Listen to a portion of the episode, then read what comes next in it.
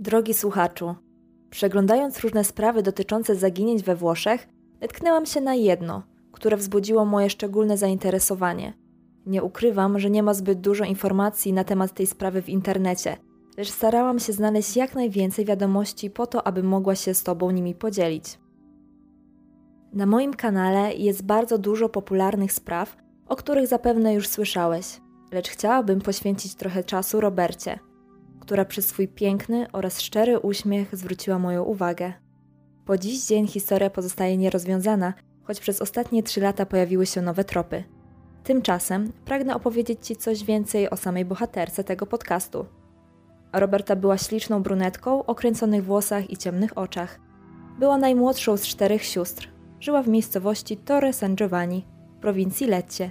Jest to jedno z najpopularniejszych miejsc odwiedzanych przez turystów na południu w Salento przede wszystkim latem. Przez ostatnie lata dziewczyna pracowała w barze rodzinnym, który znajdował się w Udzięto. Ludzie wspominają ją bardzo dobrze, podobno była zawsze miła i uprzejma. Wydawałoby się, że wszystko szło jak najlepiej, lecz niestety, ojciec Roberty, odpowiedzialny za prowadzenie baru, pewnego dnia bardzo poważnie zachorował i przegrał walkę z chorobą. Bar został zamknięty Cały świat dziewczyny runął w jednej chwili. Roberta zdecydowała także zakończyć kilkuletnią relację ze swoim ukochanym chłopakiem. Mimo różnych przeciwności, udało się dziewczynie stanąć na nogi i znaleźć pracę w opiece społecznej, gdzie mogła na co dzień pomagać najbardziej potrzebującym. W nowej pracy poznała koleżanki, które szybko stały się jej przyjaciółkami. Dziewczyna powoli zaczęła wracać do normalności, a wieczorne wyjścia stawały się lekiem na wszystko. Jest 20 sierpnia 1999 rok, a dokładnie piątek. Zapach wakacji unosi się w powietrzu, temperatury są wysokie, młodzież imprezuje, wszystko wydaje się współgrać w idealnej harmonii. Roberta szykuje się do wyjścia. Ubiera krótką czarną spódniczkę w kwiatki, szpilki oraz szarą kurtkę. Dziewczyna ma zamiar wybrać się na spotkanie ze swoją przyjaciółką Rari, o czym poinformowała także swoją mamę. Oznajmiła jej, że wróci najpóźniej o drugiej w nocy. Spotkanie miało odbyć się w Gallipoli, mieszczące się około 27 km od Torre San Giovanni. Jest po 20. Do swojego białego Fiata Roberta wsiada ze swoją siostrą Sabriną, ponieważ siostra poprosiła Robertę, aby podwiozła ją do znajomego. Dziewczyny udają się razem na niedaleką podróż i rozmawiają o jutrzejszym dniu.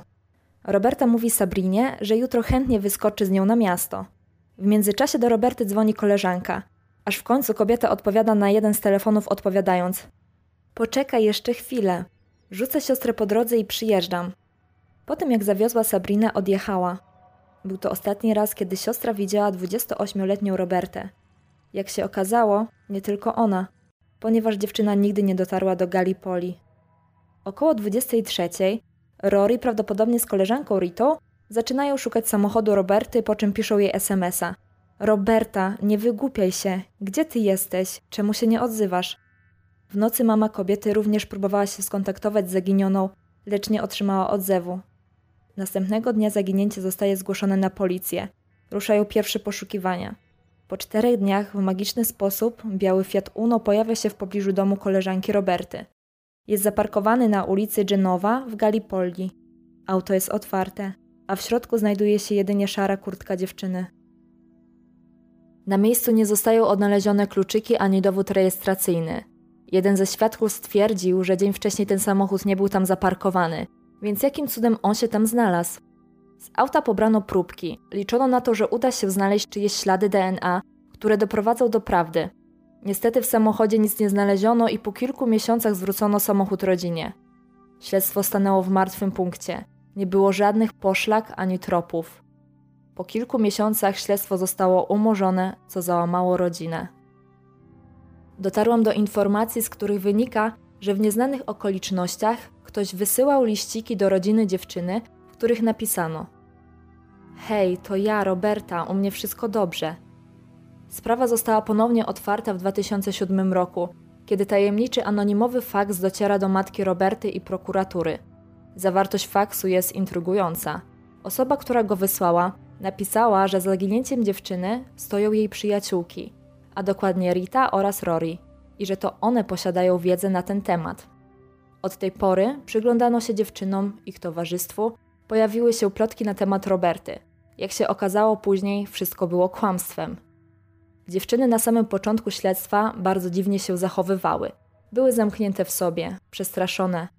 Ponadto podczas zeznań twierdziły, że miały słabe relacje z Robertą i że nie przyjaźniły się z nią jakoś szczególnie, co ewidentnie kłóciło się z billingami, które wykazywały, że dziewczyny były ze sobą w stałym kontakcie. Myślę, że to zachowanie wzbudziło też pewne podejrzenia, które zostały poparte tajemniczym faksem.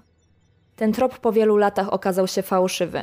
Dziewczyny miały alibi, nic nie wskazywało na ich udział w zaginięciu. Rodzina po raz kolejny była w kropce. Nie potrafię sobie wyobrazić, co w tamtym momencie musieli czuć najbliżsi zaginionej. Bezradność, gniew, strach, życie w ciągłym zawieszeniu, które stanęło w miejscu 20 sierpnia 1999 roku. W tym roku w sierpniu mija 21 lat, odkąd młoda, piękna kobieta nie dała znaku życia. W 2013 roku przez chwilę pojawiło się światełko w tunelu. Na plaży w Gallipoli odnaleziono kości młodej dziewczyny, która prawdopodobnie wiele lat temu została zamordowana. Niestety, badania wykluczyły, że odnaleziony szkielet należał do Roberty Martucci. Rodzina Martucci przez lata walczyła o prawdę, nie dawała za wygraną. I jak to bywa w takich sprawach, bardzo często gorliwość najbliższych i wytrwałość w poszukiwaniach powodują, że wychodzą na jaw nowe fakty, które mogą doprowadzić do przełomu w sprawie. Tak było i w tym wypadku. W 2013 roku rodzina powołała dwóch kryminologów oraz adwokata, żeby od samego początku zbadać akta sprawy. W teamie powołanym przez rodzinę Martucci po dziś dzień możemy spotkać Robertę Brucone oraz Izabel Martinę wraz z adwokatem Fabriciem Ferilli. Po przebadaniu akt sprawy i całej dokumentacji związanej z zaginięciem pojawiają się nowe, bardzo konkretne poszlaki i nowe elementy, które nigdy wcześniej nie zostały zbadane. W 2017 roku po kilkuletniej pracy złożono teczkę do prokuratury z prośbą o ponowne wszczęcie śledztwa. W dokumentach zostało także napisane imię i nazwisko podejrzanego o morderstwo Roberty Martucci. Dzięki pracy wykonanej przez kryminologów oraz adwokata sprawa została ponownie otwarta. W 2017 roku przesłuchano jedną z sióstr Roberty, która ujawniła makabryczną prawdę. Okazało się, że przez lata siostra Roberty była molestowana przez mężczyznę podejrzanego teraz o morderstwo Roberty. Dla Sabriny była to tajemnica, którą odważyła się ujawnić dopiero po latach. Dzisiaj kobieta jest wręcz przekonana, że zabójcą Roberty jest ten mężczyzna, a co się okazuje, jest to członek rodziny. Nie dotarłam do informacji, kim dokładnie jest, ale prawdopodobnie dla dobra śledztwa ta informacja nie została ujawniona. Kryminolog Roberta Bruzzone na podstawie zdobytych informacji twierdzi, że Roberta mogła posiadać wiedzę na temat molestowania siostry, stąd stała się niewygodnym elementem, który sprawca chciał usunąć. Prawdopodobnie dziewczyna nigdy nie dotarła do Gallipoli, a sprawca, znając każdy szczegół jej życia, mógł ją śledzić, po czym w wyniku kłótni zamordować i ukryć ciało. Zatrzymajmy się tutaj na chwilę. Jakie poszlaki miałyby świadczyć o winie tego mężczyzny? Aktach sprawy znajduje się informacja, że znaleziony samochód Roberty był bez kluczyków i dowodu rejestracyjnego. Jak się okazuje później, po przebadaniu wnętrza auta, to mężczyzna odebrał samochód i odwiózł go do domu. Jest jedno zeznanie, które zwróciło uwagę kryminologów. Mężczyzna był w posiadaniu kluczyków i dowodu rejestracyjnego, które nagle dziwnym trafem się odnalazły. Po przesłuchaniu mężczyzna stwierdził, że dowód został wręczony mu przez policjantów, a jeśli chodzi o kluczyk, to posiadał zapasowy.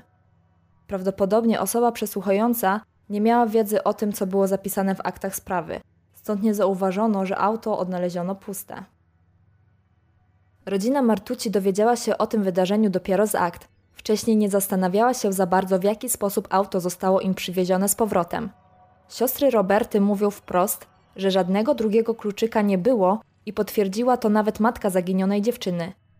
Innym ważnym elementem w sprawie, które narobiło zamieszania, był anonimowy faks, który jak się okaże po latach wysłał ten sam mężczyzna. To element, który według kryminologów był próbą zmylenia tropu i obciążenia przyjaciółek Roberty. Czyżby przez przypadek auto zostało odstawione akurat w pobliżu domu Rory? Czyż nie miało to na celu skierowania śledztwa na koleżanki? Są to póki co jedynie sugestie poparte wieloma elementami. W 2018 roku na konferencji prowadzonej przez team powołany przez rodzinę w sprawie nowości dotyczących sprawy pojawił się członek rodziny, który jest podejrzewany przez kryminologów o morderstwo. Na tym spotkaniu doszło do kuriozalnego wydarzenia, które poróżniło rodzinę aż po dziś dzień. Kiedy pojawił się temat związany z tajemniczymi listami, w których było napisane: To ja, Roberta, mam się dobrze, mężczyzna przyznał się, że to on był nadawcą tych karteczek i zrobił to dla żartów. Robić sobie żarty w taki sposób, podtrzymując w zranionej rodziny nadzieję, jakoby Roberta żyła? Można tu zauważyć dziwne, psychopatyczne zachowania. Po tym, co miało miejsce, część rodziny odsunęła się od faceta, a druga część starała się go usprawiedliwiać. Jest sporo innych elementów, które także obciążają mężczyznę, ale niestety ze zrozumiałych powodów nie zostały przekazane opinii publicznej. Inna rzecz, która mnie zszokowała, to fakt, że miesiąc po zaginięciu Roberty wykonano z jej telefonu kilka połączeń. Osoba, która dzwoniła, zmieniła jedynie kartę SIM. Nagranie znajduje się w prokuraturze, ale nikt po latach nie pofatygował się, by zlokalizować nadawcę tamtych połączeń. Ponoć śledczy stwierdzili, że ta rozmowa nic nie wnosi do śledztwa. Kiedy myślę o tych zaniedbaniach, zastanawiam się, ile jest spraw, które zostały umorzone. Niektóre informacje zawarte w aktach wołały o pomstę do nieba. Od trzech lat rodzina czeka na działania ze strony prokuratury. Póki co nie ma żadnych nowych informacji. Jest kilka małych grup na Facebooku poświęconych Robercie. Bardzo się cieszę, że dzięki zaangażowaniu różnych ludzi wiele spraw pozostaje żywych, przez co nie zapomina się o osobach, które kiedyś zaginęły. Daj proszę znać w komentarzach, co sądzisz o tej sprawie i czy chciałbyś więcej odcinków na temat zaginięć. Pozdrawiam.